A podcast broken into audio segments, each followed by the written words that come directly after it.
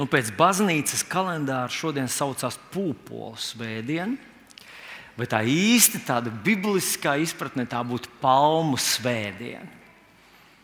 Un pēc tradīcijas, un tā, tā kā tiek pielīdzināta tai dienai, kad Jēzus ienāca Jeruzalemē. Atcerieties, uz ēzelīša viņš ienāca pazemīgs, lēnprātīgs, ar mieru. Viņš nāk pie savas tautas.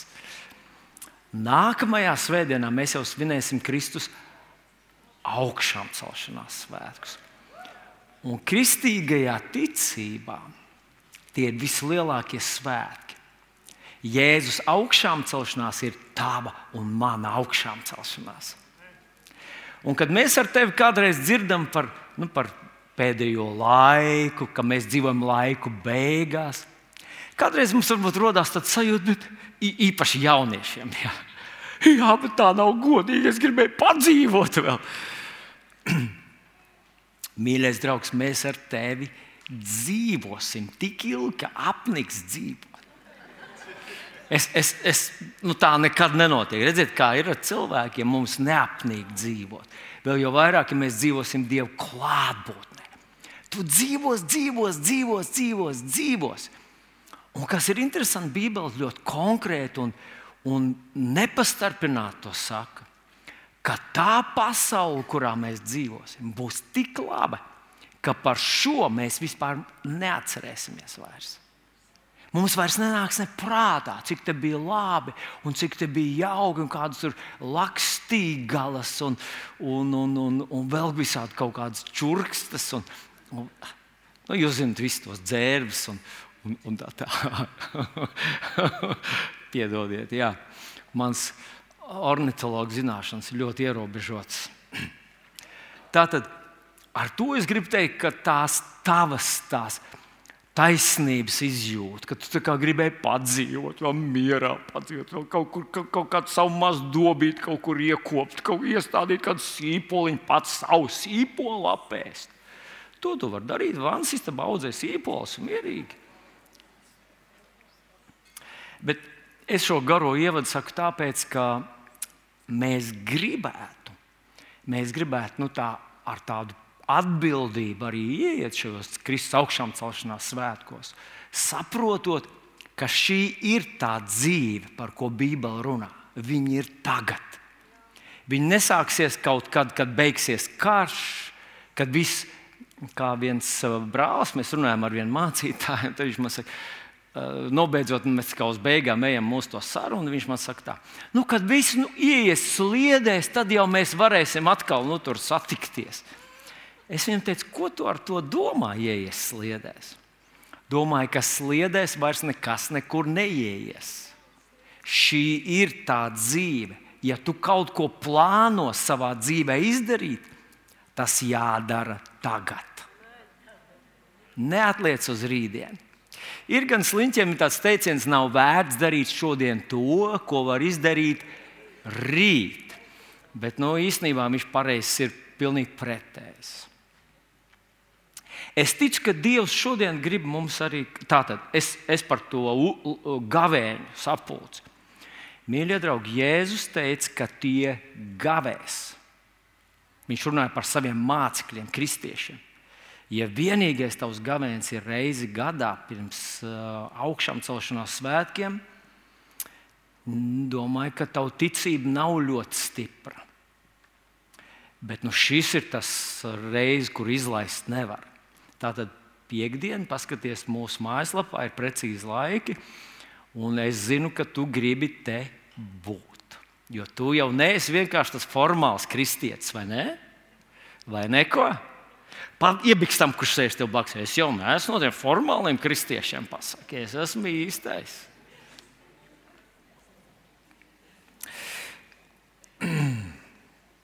Mēs iesāksim Mateja evanģēlijā 11. nodaļā, bet pirms tam es gribu izstāstīt kādu mazu tādu nopietnu ilustrāciju.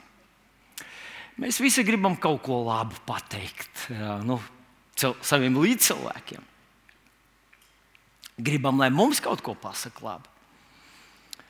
Un reiz viens cilvēks sacīja, pa visiem šiem gadiem mans doktors tik, nu, tikai pateica man kaut ko labu. Nu, ko tad tev labi pateicis doktors? Viņš man piezvanīja un teica, tā, ka manu slimību mācību grāmatās nosauks manā vārdā.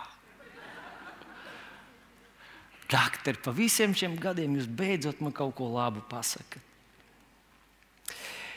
Līdzīgi notika vienam mācītājam. Viņam arī viena draudzes māsa, ilgadēja draudzes māsa, gribēja pateikt kaut ko labu. Situācija bija tāda, viņam tā kā, nu, jāatstāj šī draudzene, jādodas kalpot citur. Un viņš tā kā saka tādus atvadu vārdus, atsveicinās no cilvēkiem. Un viena māsa saka, mīļo mācītāj, cik žēl, ka jūs ejat projām. Nu, kas tad māsiņa tāds noticis? Vai tas, kurš atnāks jūsu vietā, tas nebūs ne tuvu tik labs kā jūs? Nu, kā jūs domājat, mācītājs jūtas, kad tas saka? Vai tas, kurš atnāks, tas jau? Nu, mācītājs. nu, māsa, es domāju, ka jūs varbūt pārspīlējat to sakot. Nē, nē, mācītāji, godīgi. Es šajā draudzē jau pārdzīvoju piecus mācītājus, un katrs nākamais, kurš atnāk, ir sliktāks par iepriekšējo.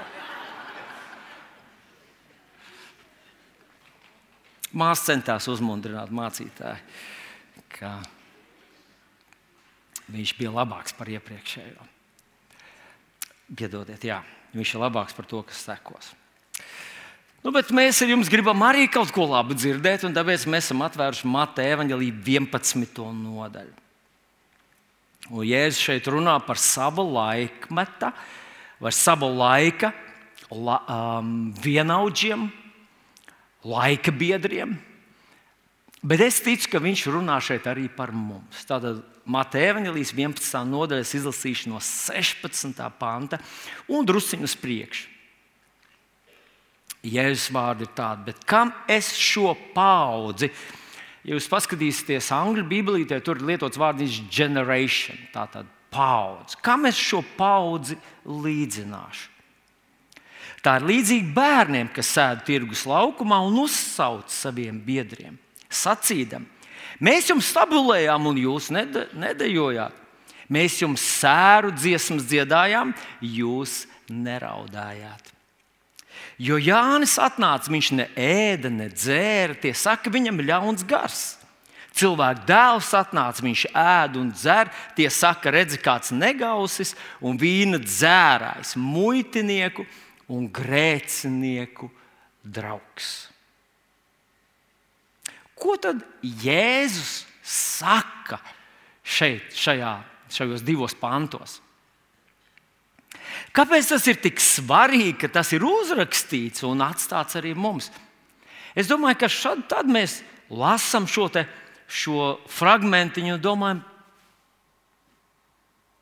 ko viņš ar to grib teikt. Bet būtībā ar to viņš grib teikt ļoti vienkārši ka Dievs ir šo paudzi uzrunājis visos iespējamos veidos. Gan šitā, gan tā. Tālāk viņš turpina. Te 18. pantā viņš ir Jānis nāca par to tipisko, klasisko praviešu ceļu, askēts. No malas viņš izskatījās pēc Elijas, tāda kāda jūs lasat par Eliju. Viņš izskatījās tieši tā. Viņš bija dzīvoja tuksnesī, viņš apģērbs bija brutāls. Viņš ēda vienkārši. Un viņš viņiem stāstīja, ja jūs tā kā, tā kā pravietis Jona, tā kā vecajā darbā, Jeremija un Elija. Un viņi viņu neuzklausīja. Jēzus atnāca svaidīts ar prieka eļļu vairāk par visiem citiem brāļiem, par visiem citiem praviešiem. Viņš atnāca par šo pilnīgu pilnīgi, ja mēs tā gribam, tā kontrasta ziņā, pilnīgi pretējs Jānis Kristītājam. Arī viņu viņi neuzklausīja. Dievs visos iespējamos veidos uzrunāja to paudzi.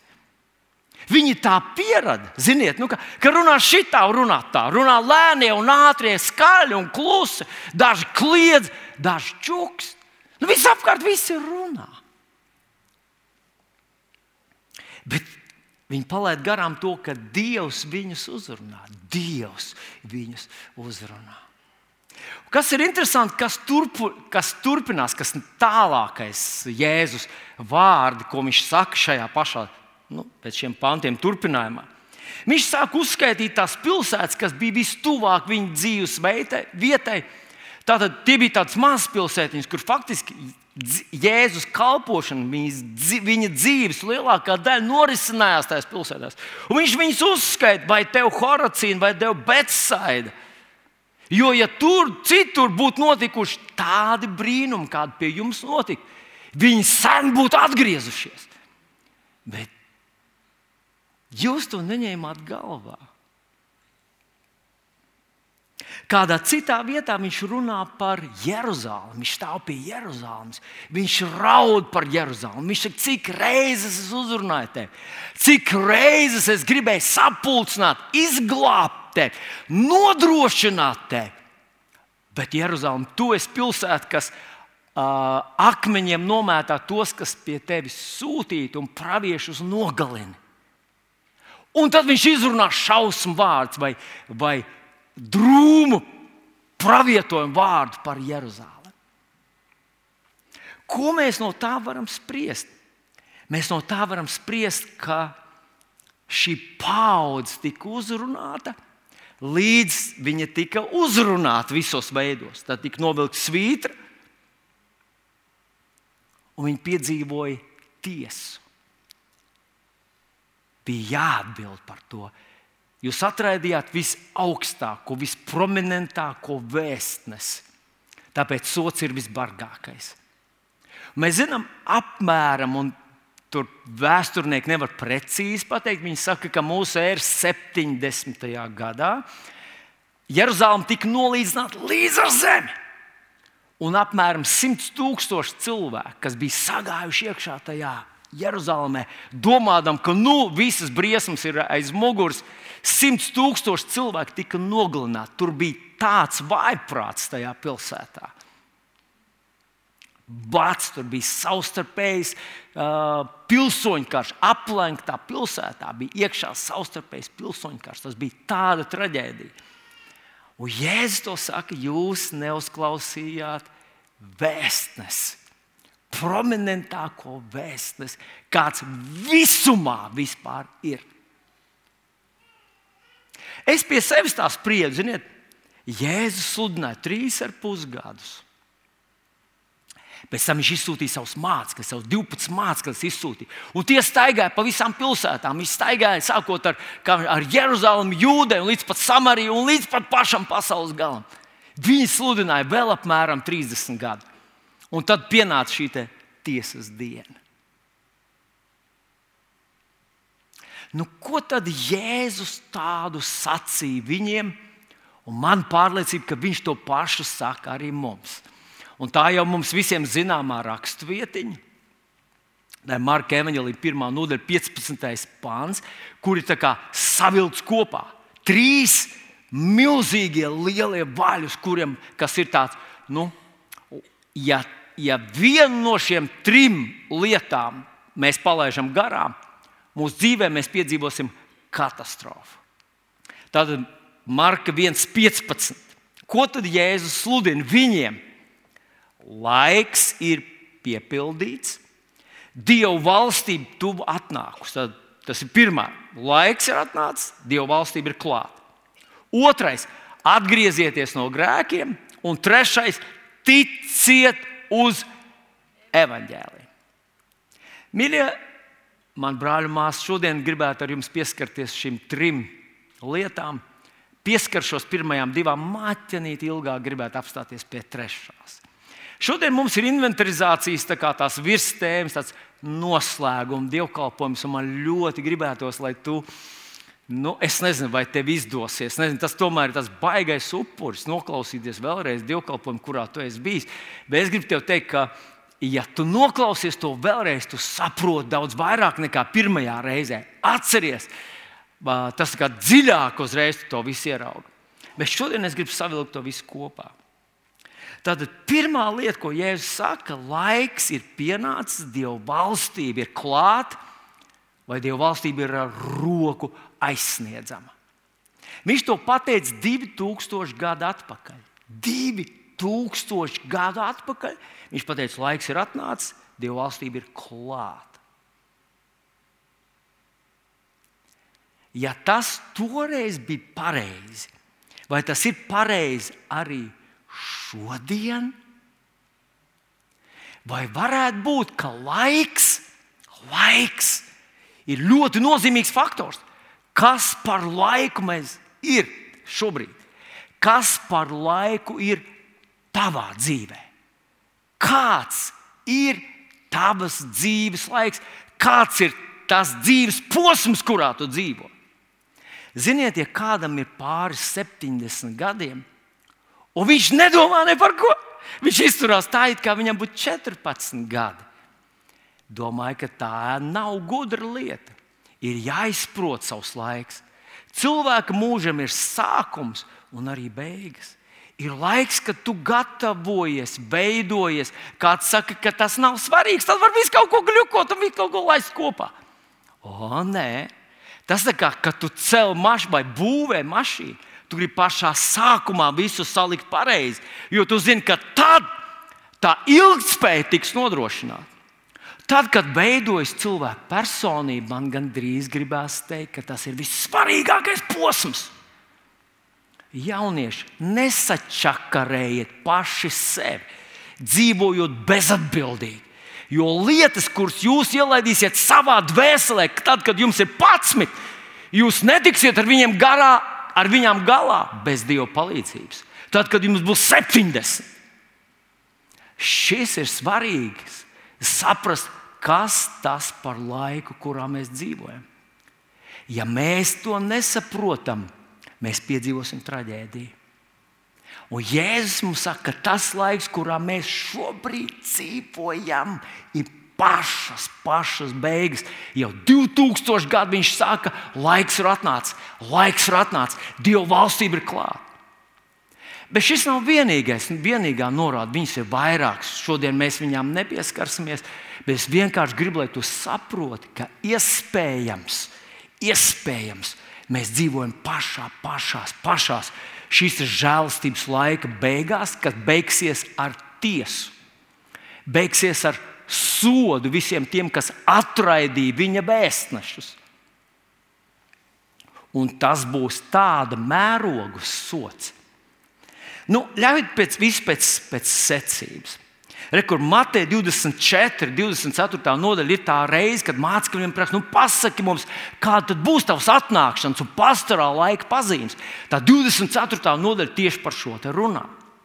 Un reko viņš iesāk pati svarīgākā, kāda pirmā lieta, kas ir raksturīga paša, paša šīs žēlstības laikmeta beigām, ir pielūkojiet, ka jūs nepieviļat. Būs tāda pievilkšana tāda masīva pievilkšana, kā pašā laikmeta beigās, nekad iepriekš nebūs bijusi. Un mēs ar tevi dzīvojam šajā laikā. Tātad pielūkojiet, ka jūs nepieviļat. Un mēs jau kā eksperti naudas lietās zinām, ka nav jēgas pārbaudīt visus tos viltojumus. Ir daudz svarīgāk, ka tu pierodi pie īstas mantas. Tu saproti, kāds ir īsts, Tikko tu paņemsi rokā kaut ko neīstu, uzreiz to atpazīsi. Tieši tāpat ir arī ar meliem. Ja tu zini, kas ir patiesība, un tā ir uzrakstīta Bībelītē, tu ļoti ātri, ļoti viegli atpazīsi visus, kas tev vēd prom no patiesības. Tātad pielūkojiet, tu kaut ko vari darīt, lai tu netiec pievilcis. Vai daudz tik pievilkt? Bībelē saka, ka daudz. Otra lieta, ko es gribu, lai tu ieraugi, Matei 24, 14. šajā pašā nodaļā. Šīs valstības evaņģēlijas tiks sludināts visā pasaulē par liecību visām tautām. Un tad nāks gals. Ko tad viņš te saka faktiski? Faktiski viņš saka tā, es saviem vārdiem to pateikšu, ka tā kā es sludināju jūdejas un, un jūdu valsts robežās, es un mani mācekļi. Tā pēdējā laikā, žēlsības laika beigās, visā pasaulē izies Kristus vēstneši. Viņš sludinās tautām Igaunijā, Lietuvā, Latvijā, Eiropā, Baltijā, pasaulē, visur. Šobrīd visā pasaulē ir tie, kurus Dievs uzskata par saviem vēstnešiem, kas iet un sludina un stāsta. Dažreiz tie vecāki saviem bērniem, stāsta un sludina viņiem. Un tie bērni atkal sāka, atkal jau sludina. Viņi nesaprot. Un brīžiem mums vajag to atgādināt, ka tas nav, tas nav matemātika. Latviešu valodas interpunkcija un pareizrakstība, ko es tev te tagad potēju iekšā. Tā ir Dieva vēsts. Un interesanti, atcerieties, Jānis Kristītājs ir vislielākais no vecās derības praviešiem. Bet, ja es teicu, katrs, kurš ir Dieva valstībā, ir lielāks par Jānu Kristītāju. Tas nozīmē, visur, kur tu aizej un sastopies ar kādu cilvēku un stāsti viņam evanģēlīju par Jēzu Kristu, ka vēl ir laiks izbēgt no tā soda, kas sāksies, iespējams, kas sāksies pavisam drīz. Tu esi Dieva vēstnesis. Un tas ir tas, ko Jēzus saka. Kad Dievs šodien ir uzrunājis cilvēkus šitā un tā.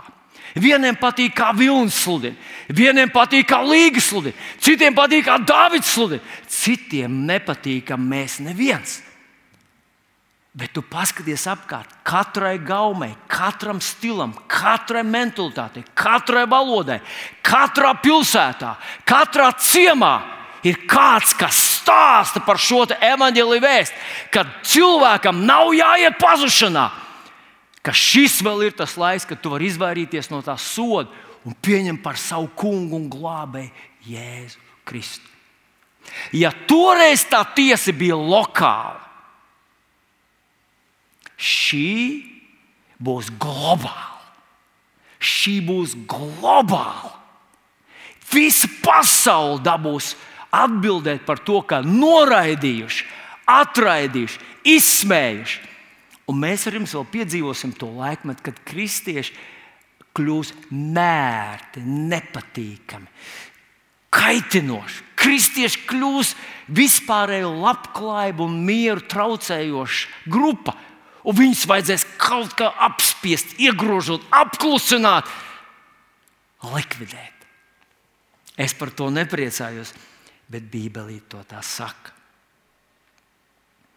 Šis laikmets raksturīgs vēl ir kāda interesanta lieta, kuru mēs redzēsim, un kaut ko no tā mēs jau redzam.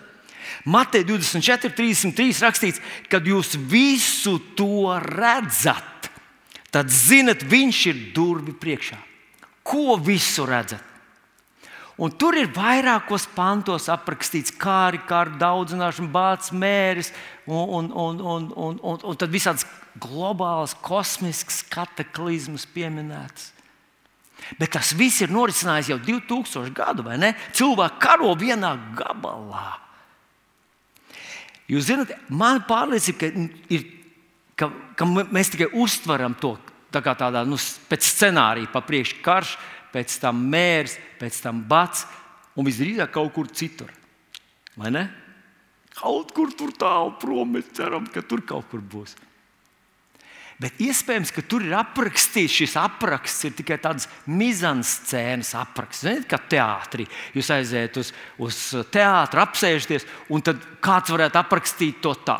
Televīz, eh, stūrī stāv strādā televizors, tur aiz muguras kaut kas cepās un čurkst un ceļās garaiņi no katla. Eh, tur stāv skats, kur durvis ir puspievērts, lampiņa deg tādā, tādā nestabilā kaut kādā savienojumā. Iespējams, ka tur tās lietas ir aprakstītas tieši tādas. Un šis laikmets, kurā mēs esam, būs raksturīgs ar to, ka šīs lietas notiks vienlaicīgi. Tātad, ko tad izlasot visu šo te mazliet iedziļinoties, ko tad mēs redzēsim vienlaicīgi? Paklausies. Tātad karš, naids, klanu un valstu grupu sa, savstarpējas visu laiku spriedzi un, un karas, karas stāvoklis, bailes, nestabilitāte, apjukums, bats, mērs, pandēmijas, neziņas, dabas kataklizmas, kristiešu nērtā grupa, milzu pievilšana. Un viss visādas kristīgas grupas, kas tā ziniet, ļoti ultimatīvi paģēra. Ja tu neesi ar mums, tad tu esi nodevējis, tad tu esi atkritējis, tad tu esi kaitnieks. Vispār kaut tevis tad nebūtu, ja tu neesi ar mums. Šādi varētu izskatīties tas laikmets. Un zinot ko? Karš noris Ukrajinā, bet tas ietekmē visu pasauli. Un tas nebūtu nevajag, lai visas šīs lietas notiktu mūsu zemē. Vienalga tās mūs ietekmēs. Ir cilvēki, kas saka, es vēl nevaru attiekt no tā Covid, vēl, jo sākās atkal karš. Bet, ja nu šādas lietas paralēli notiktu pasaulē, vienā gabalā, vai tu spētu saglabāt savu mieru, vai tu spētu palikt par to, kas tu esi, kādam tev jābūt, zinot, uz kurien tu ej, vai tu spētu? Un tas ir tas, ko man gribas kā pēdējā lietiņa laikamatam pieminēt. Matē 24. šī pati nodaļa, kur runā par šo pēdējo laiku, apraksta, kādam būtu jābūt kristietim. Un viņš saka, tā, ka tev būtu jābūt kā cilvēkam, kā gudram un uzticīgam kalpam, ko kungs iecēlis par savu saimi, tiem dot barību savā laikā. Svētīgs tas kalps, kad viņa kungs atnākdams, pārnākdams, atradīs to tā darām. Patiesi es jums saku, viņš to iecels pār visām savām mantām. Ziniet, manuprāt, ir ļoti laba ilustrācija, un to es dzirdēju no, no Ukraiņas notikumiem, kad viens cilvēks stāstīja tā, ka viņš strādā vietējā maizes ceptuvē. Un jā, sākās karš, un daži bēga, un daži tur skrēja, un daži slēpās, un daži karoja. Bet viņš saka, bet es taču, es esmu mans darbs, paēdināt tos cilvēkus, kas tajā manā pilsētiņā dzīvo. Un vai bumbas krīt, vai lidmašīnas lido, man ir jāiet uz darbu. Jo, ja es neizdarīšu savu darbu, cilvēki būs izsalkuši. Jo maizi jau tu nevari, nu, maizi tu nevari sataupīt, tu nevari paņemt to kaut kā ilgi. Tev vajag to cept visu laiku. Un es gribu teikt, ka Dieva vārds ļoti skaidri saka, ka Dievam līdz pat pašām beigām ir vajadzīgs šeit kristietis kurš ir savā vietā, spīd savā vietā, zina, ka viņš te ir nolikts, lai viņš izplatītu Dieva evaņģēlīju labo vēsti līdz pašām beigām. Šis ir tas laiks. Un tev un man to vajadzētu zināt. Sliedēs nekas neies atpakaļ. Otra lieta, viņš saka, atgriezieties no grēkiem. Man patīk iet uz draugu, ja nebūtu visu laiku grēki, grēki. Tiem mācītājiem tie grēki uh, nepatīk. Viņi pamatā visi ir plikpauri, veci veči, viņiem tie grēki nepatīk. Vispirms grēki nepatīk Dievam. Kāpēc? Tāpēc, ka svētums ir Dieva produkts, mīlestības, spēka, harmonijas, mūžības produkts. Grēks ir cilvēces ienaidnieka produkts. Cilvēces lielākā zadista, izmantotāja, manipulātora, zagļa, meļa produkts. Tas ir tas, ko viņš piedāvā. Grēks ir kaut kas, ko Dievs ienīst, jo tas ir Dieva likuma pārkāpums lai atpirktu mūs ar tevi no grēkiem. Nepietika Dievam parādīt zvaigzni Betlēmē. Nepietika viņam stipru siltu vēju vai siltu jūru radīt. Viņam vajadzēja savu dēlu nogalināt, lai atpirktu un atbrīvotu mūs no grēka un grēka sekām. Grēks nav jociņš. Nav veco cilvēku vienkārši tāda, tāda trauma no jaunības. Nē, Grēks ir mūžīga lieta, un to nekas nevar iznīcināt, kā vien Jēzus asins. Par taviem un maniem grēkiem ir samaksāta drausmīga cena. Bet tai pašā laikā man gribas pateikt, ka grēks pat nav dieva problēma. Grēks ir mūsu problēma, jo tas korumpē mūsu sirdi, mūsu izpratni tas korumpē mūsu pasaules uztveri. Un es gribu atgādināt pavisam īsu ilustrāciju. Vecajā derībā viens no visbaidītākajiem vīriem bija Simpsons. Un jūs atceraties to stāstu, kā viņš nonāca tās netiklas gultā, netiklas istabā. Viņa viņam bužina matus, ne jau viņa viņu tur ievilka. Viņš pats sevi tur nolika. Viņš pats sevi sagatavoja, piedāvāja un pats sev sagatavoja šo savas dzīves lielāko katastrofu. Tāpēc, ka viņš nesāja to grēku savā sirdī. Viņš bija neparasti svaidīts. Bet neviens dieva spēks un klātbūtne nevar kompensēt sabojāts, korumpētas sirds klātbūtni. Un tāpēc Jēzus otrais apgalvojums vai otrā vēsts, ko viņš sludina un saka to tev un man, atgriezies no grēkiem. Ja tu spēlējies ar grēku, agrāk vai vēlāk, ar visu to savu piesardzību, ar visu to savu flirtēšanu, staigāšanu turp un atpakaļ. E, es te pielūdzu Dievu, bet es, es tur šitā un tā, tādā sarežģītā situācijā. Tu piedzīvos katastrofu. Atgriezies no grēkiem, saka Dieva sūtnis, Dieva vēstnes tavā dzīvē. Tas ir tā kā, tā kā tev jātiek vaļā no tā, kas tavā laivā urbj caurums. Ja tas esi tu pats, tas ir ļoti bēdīgi un skumji. Bet paklausieties divas rakstvietiņas. 1. Jāņa vēstulē, 2. nodaļā, 16. pāns. Jo viss, kas ir pasaulē, miesas kārība, acu kārība un dzīves lepnība, tas nav no tēva, bet ir no pasaules. Visas pasaules tūkstošiem, desmit tūkstošiem grēku iekrīt vienā no šīm kategorijām. Acu kārība, miesas kārība vai dzīves lepnība. Viss, ko vēlams ir satamborējis, radījis, ko viņš, ar ko viņš manipulē ar cilvēkiem, iekrīt vienā no šīm kategorijām. Acu kārība, miesas kārība. Nu, kas tad tas ir? Tas ir tā tāds baudas. Tas ir kaut kas tāds, kaut kas tāds pikants. Tas liekas tā kā, tā kā ah, dot tev tādu sajūtu.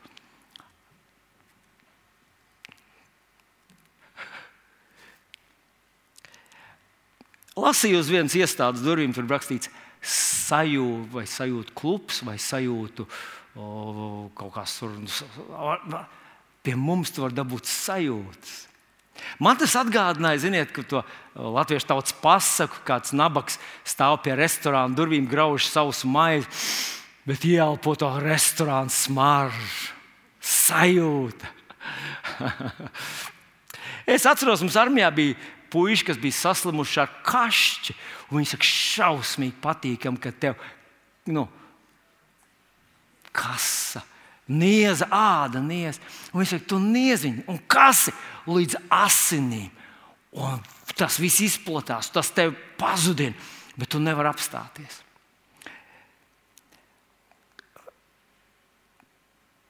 dzīves lepnība. lepnība. Dažreiz bērnībā man mamma teica, tāda neies jau nabadzības dēļ lepnumu zaudēt. Tas bija tāds sens izteiciens. Mammai nebija ar to problēmas, bet nu, kādreiz viņa tā izteica. Mēs esam nabagi, bet lepna tauta. Tas sākās Lucifera krišana. Viņš nebija apmierināts ar to augsto pozīciju, kurā Dievs bija viņu nolicis. Viņam vajadzēja vēl, man vajag vairāk. Faktiski mēs neviens neapjaušam to īsto žēlastību, kā Dievs mums ir piešķīris, to īpašo vietu Dieva sirdī un mūžības kontekstā. Un lepnums mūs pamudina uz būt neapmierināti ar to, kādu Dievs tev ir nolicis, kur tev nolicis, ko tev ir devis, kādu ceļu viņš tev ir izvēlējies. Mēs ar to neesam apmierināti. Ar to sākās Lucifera krišana. Un īstenībā es gribu teikt, ka ar to sākās lielā pretimstāvēšana, Dievs pret cilvēku. Kad cilvēks sāk būt skaudīgs, lepns un neapmierināts. Bībeles princips ir pilnīgi pretējs. Tas Lūkas evanģēlijā 9,23. Jēzus saka, un paklausies, ko Jēzus saka. Ja kāds grib man sekot, Šie ir ļoti stipri vārdi. Ja kāds grib man sekot, un mēs uzreiz domājam, iet no muguras ar jēzu pa jūdei vai pa samariju. Nē, Viņš ir Dieva dēls, kurš atnāca šeit un pēc tam uzkāpa visaugstāk, kur vien visaugstāk var uzkāpt. Viņš sēž pie Dieva labās rokas, un viņš saka, ja tu gribi man sekot, ah, ja tu gribi 15 minūtes kaifot un pēc tam asiņot, ja tu gribi 15 minūtes vai 5 minūtes sajust kaut kādas, tad tas ir cits ceļš. Bet grēks īstenībā ir ļoti dumšs. Cilvēks, kurš pirms tam pārdomātu visus plusus un mīnusus, nekad nedarītu grēku. Jo grēks ir ļoti neloģisks. Grēks ir ļoti tuvredzīga lieta. Ko tad Jēzus saka Lūkas 9,23? Ja kāds grib man sekot, tāds lai aizliedz sevi. Ikdienas ņem uz sevi savu krustu un staigā man pakaļ. Nav laimīgāk cilvēks kā tas, kurš sevi ir aizliedzis. Jo tas, kurš visur sagādās sev, viņam vajag, ja ta, pasākums ir labs, ja, ja tas man kaut ko ienes. Lieta ir laba, ja tas man kaut ko dod. Vispār projekts ir noderīgs tad, ja tas mani paceļ, mani svētī, mani padara slavenu vai man kaut ko ienes. Un viss, kas par mani nerūpēs, tas nav svarīgs. Tāds cilvēks iet un strauji virzās pretī vientulībai un nelaimīgām vecuma dienām, jo neviens negrib būt kopā ar egoistu. Bet cilvēks, kurš aizliedz sevi, kura rūpe ir par citiem, kura prieku sagādā citu uzvaras, un citu labklājību, un citu veiksmu, tu būsi laimīgākais cilvēks pasaulē. Tāds bija Jēzus, viņš atnāca mūsu dēļ un bija svaidīts ar priekēļu vairāk par visiem saviem biedriem. Viņš nokāpa viszemāk, un viņš teica, ja tu nebaidies ar mani nokāpt viszemāk, tu uzkāpsi visaugstāk. Dieva valstībā ceļš uz augšu ved caur ceļu uz leju. Pasaulē ir pilnīgi pretēji. Bet tur ir tas mums jāpieņem šis lēmums. Kas tad ir tavs dzīves centrs? Ja tas esi tu, tu neej pa Kristus ceļu. Un tāpēc viņš ļoti konkrēti saka, ja kāds grib man sekot, aizliet sevi. Cik viegli ir dzīvot, ja tu neesi galvenais. Cik viegli ir dzīvot, ja tev nevajag visu uzslaust, tev nevajag patikt visai pasaulē. Cik viegli ir dzīvot, ja tu zini, ka šis ir tavs ceļš, un tu par to ies vienalga, vai tevi apsveiks, vai tevi apmēdīs. Kristus tā izgāja, un arī mēs ar tevi tā varam iziet. Atgriezieties no grēkiem, ir otrs viņa vēsts, svarīgais punkts. Un tad ir trešais, pie kuras gribu apstāties drusku ilgāk. Ticiet uz evaņģēliju. Dažreiz visa kristīgā doma apstājas pie tā, ka es vairs negrēkoju, es vairs nezogu, es vairs nemeloju, es vairs nedzeru, es vairs uh, neienīstu, es vairs nelamājos, es vairs nepārkāpu laulību, es vairs nedaru tās sliktās lietas. Nu, nu taču! Nē, nē, nē. Nē, nē, nē, tas nav viss. Mīļais draugs, Jēzus sacīja vēl kādu ļoti svarīgu punktu. Viņš teica, ticiet uz evaņģēliju. Ja tu apstājies tajā vietā, ja tu apstājies vienkārši tajā vietā, kur tu saki, es vairs neko sliktu nedaru, nu taču Dievs tev bērs par mani visas svētības. Un tu vienkārši gaidi. Gaidu savu dziedināšanu, es gaidu savu palīdzību, gaidu savu labklājību, es gaidu, ka Dievs atvērs durvis, es gaidu, kad eņģeļi man kalpos, es gaidu tās lielās uzvaras, es gaidu to lielo Dievu spēku, kad jau viņš, jau kad jau viņš, kungs, tur redzēs, jau visu laiku gaidu, gaidu, gaidu. gaidu, gaidu. nē, nē, nē, tas nav pareizi. Ticiet uz evaņģēliju. Ko nozīmē ticiet? Jāņem evanģēlē 14. nodaļā, man liekas, tas bija 9. pāns, kur Jēzus runā ar Filipu un saka, Filip, vai tu netici, ka es esmu tēvā un tēvs ir manī? Filip, ja tu vienkārši esi atnācis pie manis un netici, ka es esmu Dieva vārds un Dievs ir manī, un aiz manis stāv visa Dieva enerģija un Dieva radošais potenciāls, tad tu vienkārši nonāc tādā teoloģiski romantiskā bariņā. Atturībnieki, mēs nelamājamies, mēs nedarām neko sliktu, mēs esam tādi maz nevainīgi, balti, pūkaini cilvēci, mēs neko nevaram. Bet tā tas nav. Un tad šis te Jānis 14, 10. Man tas liekas, ka no gadsimtiem skan šis Jēzus lūgums viņa mācekļiem. Šodien viņš to saka tev. Tici man, ticiet man, ka es esmu tēvā un tēvs ir manī. Ticiet man, ka es esmu tēvā un tēvs ir manī. Hei, Jānis, Pēter, Vilna, Andrei, ticiet man, ka es esmu tēvā un tēvs ir manī. Kungs, ko lai es daru? Es ticu, atnācu uz dievkalpošanu. Nē, nē, tas nav. Tas ir kaut kas vairāk nekā vienkārši nedarīt neko sliktu. Tas ir kaut kas vairāk nekā vienkārši nu, pasēdēt dievkalpojumā un paklausīties kristīgu mūziku. Ticēt nozīmē kaut ko aktīvi darīt. Un tad viņš mums raksta par Abrahāmu, bet šodien mēs to nepieminēsim. Romiešiem 4. nodaļā viņš runā par Abrahāmu, kas Dieva apsolījumu uzņēma ar šaubām, uz, uh, neuzņēma ar šaubām un neusticību. Iesai grāmatas 55. nodaļā viņš runā, ka Dieva vārds ir kā lietus un sniegs. Nu, es tikko piedzīvoju tādu ļoti spilgtu uh, nu, ilustrāciju, ko nozīmē, ka Dieva vārds ir lietas un sniegs. Man sieviete bija aizbraukusi uz dažām dienām projām. Un pirms viņa aizbrauca prom, viņa man pieveda pie tāda stendiņa. Viņa tur tādu plauktiņu salikt, un tur viss visādi nāk zaļumā, um, persika, un plūmes, un aprikos, un arbūzi, un, un ananās, un, un tā tālāk. Nu, nu, kas cits var būt?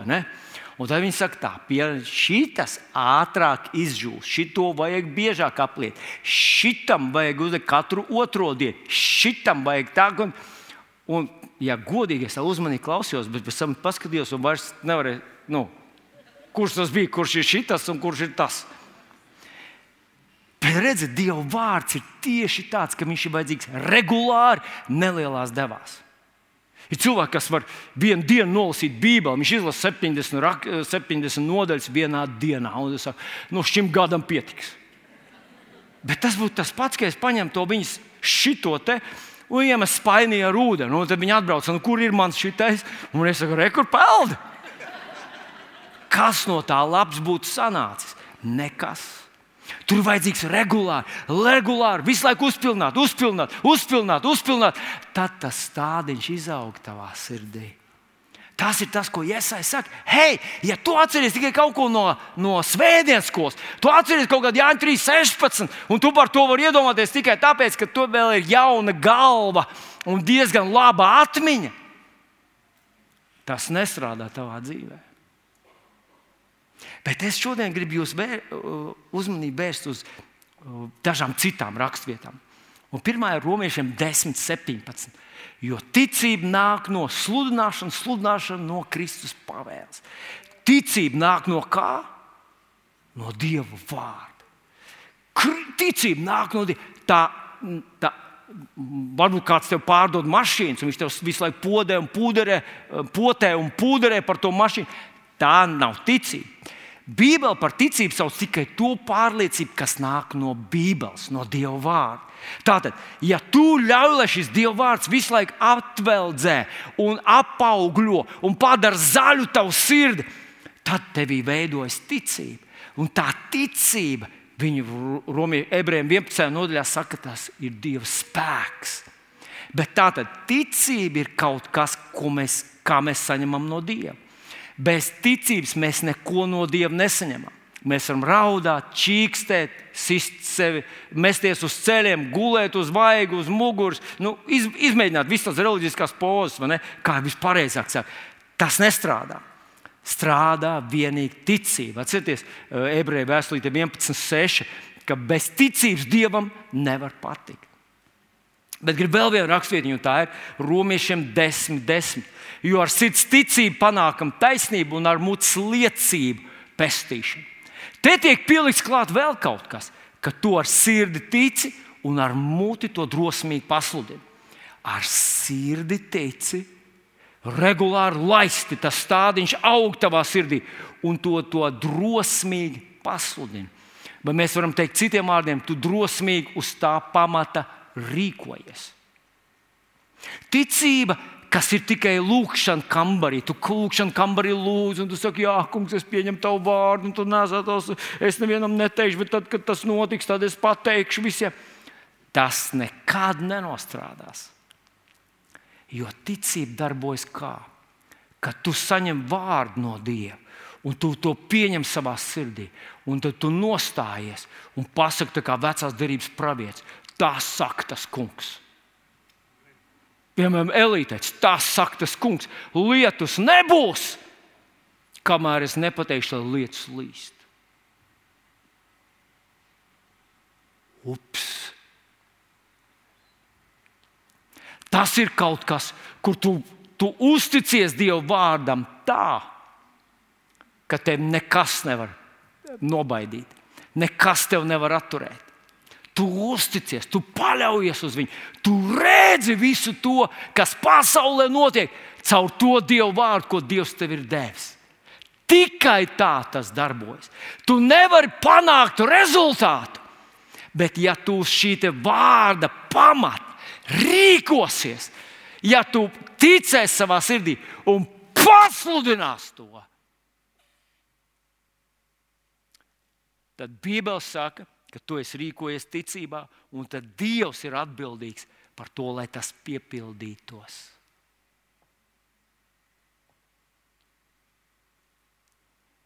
Mans mīļais brāl un māsa. Es zinu, arī man šajā jomā ir bijusi kādreiz aiztur. Liekas, nu, ka es tā vienreiz izteicu, bet tas izklausījās tik ļoti kaut kā tā un novibrēja tajā sabiedrībā, kur es to teicu. Tas izklausījās tā, ka tas tā kā, uu, nu, gan tu pārspīlē. Bet nav cita ceļa. Ja tu uzticies tam vārdam, ko Dievs tev ir devis, un tas ir tas Jēzus lūgums, ticiet man, ka es esmu tēvā un tēvs ir manī. Ticiet man! Tev, Jēzus, mēs staigājam tev pakaļ, un Jēzus, bet jūs neticat man. Jūs neticat man. Vai tu un es mēs ticam? Vai tu un es tu saņēmis vārdu no Dieva, un es to pazaudēju? Vai tu tici tam, ka viņš tā kā viņš teica, tā tas piepildīsies, un tu nebaidies, tu neatkāpies, tu uzticies, ka Dievs izdarīs to, ko ir sacījis. Tad vienkārši vienkārši tev nav iespējams zaudēt. Paklausies, ko viņš saka. Jeremija 23, 29. Vai mans vārds nav kā uguns, saka tas kungs, un kā veseris, kas sagrauj klintis? Vai mans vārds nav kā uguns un kā veseris? Padomā, padomā. Viņš saka, ka viņa vārds sagrauj klintis. Iespējams, ka tā ir tava problēma, situācija, bezcerība, slimība, nabadzība, neveiksme, tavs vecums, vide, nezinu, kas vēl.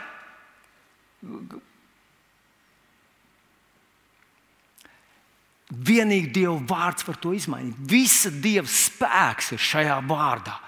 Un, ja tu to nelieto, Ja mēs ar tevi to nelietojam, ja mēs esam vienkārši tādi labi cilvēciņi, tādi pūkaini mazi cilvēciņi, kas nedara neko sliktu un neuzdrošināmies izkāpt ārā no savas cilvēcīgās drošās zonas un pateikt, ka tas kungs sacīja tā, un es viņam uzticos. Tas vārds nestrādā priekš mums, bet viņš varētu strādāt. Huh.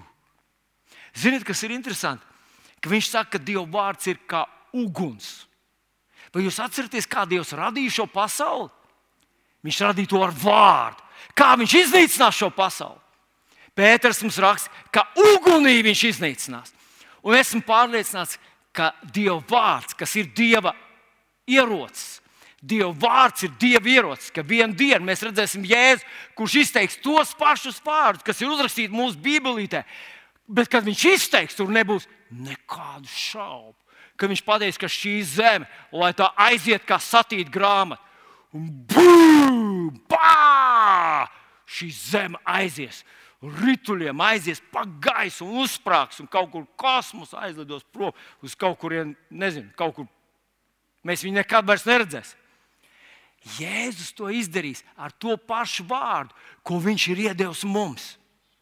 Un ja mēs to lietojam, ja mēs ticam evaņģēliem, jā, bez šaubām, to ir no ticības uz ticību. Arī tur ir zināms tāds nu, progress, zināms kaut kāds nu, process. Tas nav tā, ka uzreiz tu tā spērs ārā un tas pilnā jaudā. Bet padomā, mīļais draugs, ja tas pats vārds ir iedots tev un man, un mēs to lietojam, mēs to lietojam. Ebreju vēstulī 4.12. rakstīts, jo Dieva vārds ir dzīves un spēcīgs un asāks par katru abeju pušu griezīgu zobenu un spiež dziļi iekšā, līdz kamēr pāršķirt veselu un garu locekļus un smadzenes. Dieva vārds ir ierocis. Un tu vari to lietot pat, ja tu neko nejūti. Tev nav jājūt, tas jājūt ir ienaidniekam. Ienaidnieks saņem triecienu, tev problēma saņem triecienu. Ja tu un es, ja mēs paliekam šajā Dieva vārdā, uzticamies Viņam, un, un man nāk prātā vēlreiz, piedodies, atkāpšos atpakaļ. Atcerieties, kas izglābās no šī soda tajā tajā 70. gadā, kad Jeruzalem tika nopostīta. Tikai tie cilvēki, ne visi kristieši, bet tikai tie cilvēki, kas uzticējās Jēzum. Jo viņš teica, kad jūs redzēsiet Jeruzalem karaspēku ielēmt, tad beidziet ārā, prom no viņas. Dabīgajā viss izskatījās savādāk, kad Tita, romiešu ģenerāla karaspēks, ielēca Jeruzalem. Tad visi domāja, wow, nu pat būs problēmas un pēkšņi tic atkāpās un aizgāja prom ar savu armiju. Kristieši atcerējās Jēzus vārdus, kad viņš teica, kad jūs redzēsiet Jeruzalemes karaspēku ielenkt, beidziet! Tajā ziņā visi citi, visi citi devās uz Jeruzalemi svinēt svētkus, jo uzskatīja, ka tagad sliktākais ir aiz muguras, viss ir beidzies, sāksies lielā tautas sapulce, gada tirgi, svinēšanas un viss. Tā kā notika pilnīgi pretēji kustība. Kristieši muka ārā, bezdievi metās iekšā un tad viņi atgriezās atpakaļ. Mārtiņ, kāpēc tu čārksti mani? Mārtiņš sēž kā ierakumos. Halleluja! Ko es ar to gribu teikt? Izglābās tikai tie, kas uzticējās Jēzus vārdam, ka Viņš ir tajos, ka Dievs ir tajos vārdos. Un vārds ir efektīvs un stiprs. Šajā laikā notiks tieši tāpat. Tāpēc mums ar tevi ir jābūt cilvēkiem, kas saprot laiku, kurā dzīvojam, kas atgriežamies no grēkiem, pagriežamies pilnīgi pretējā virzienā. Neskatāmies, nefokusējamies, nedomājam, neflirtējam ar grēku, ar pasauli. Mēs esam pieķērušies savam kungam, mēs uzticamies viņam, mēs ticam viņam. Mēs darām to, ko viņš mums ir uzticējis šajā pasaulē darīt. Mēs tiksim izglābti. Mēs nezinām īsti, kurā mirklī, un tur atkal, atkal ir daži dažādi viedokļi. Kāds saka, jā, bet ņemot to visu scenāriju, tur notiek jēzus paraušana, kad jau bēdas ir pilnā spēkā, kad viņš parauj savu draugu. Daži saka, nē, nē, bet daži pāns saka, ka viņš paņems pirms tas sākās. Un tā tālāk. Fakts, ka Jēzus pats teica, jūs nezināt, kad tas notiks. Ja tu nebūsi gatavs, tu nebūsi gatavs. Otras iespējas nebūs. Tas nebūs tā, ka tu redzēsi, ka visi lēnām ceļās un teiks, ka es arī gribu. Ah, nu labi. Tā tas nebūs. Ir viena iespēja, un šodien viņš uzrunā mūs šitā un tā. Dievs uzrunā tevi šitā un tā. Kāds stils tev patīk, kā tev patīk, cik klusi, cik bieži, kādā manierē, bet Dievs uzrunā tevi, esi gatavs.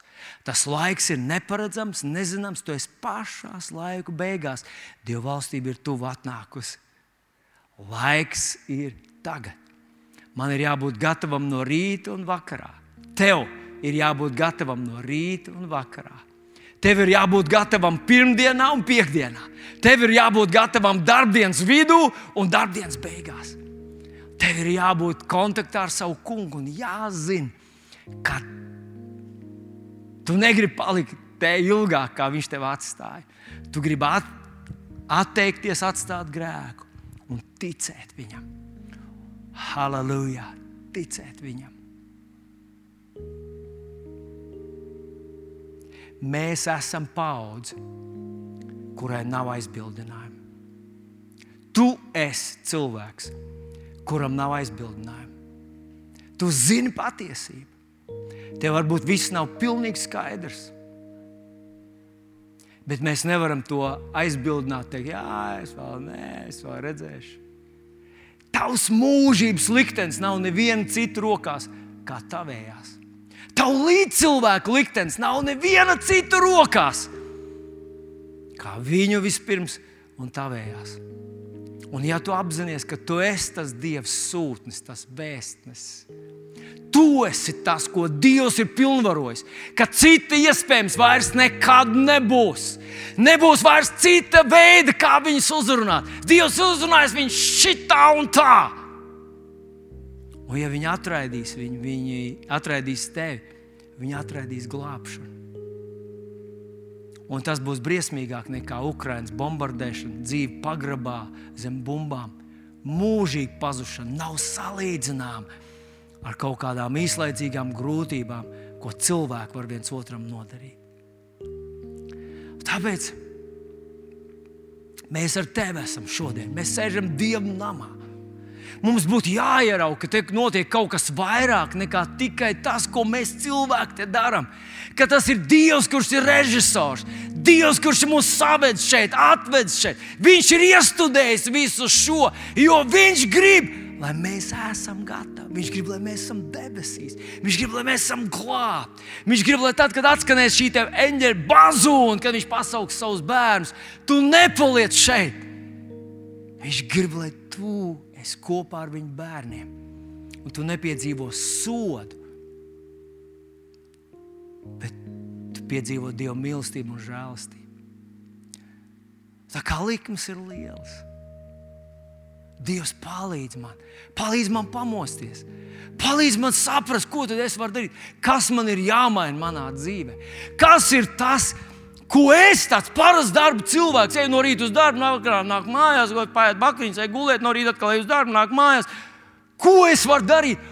Un pavisam droši, ka ir kaut kas, ko tu vari darīt.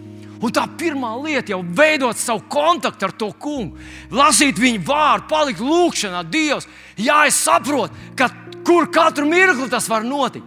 Ja tu tagad esi gatavs, tu būsi gatavs tad.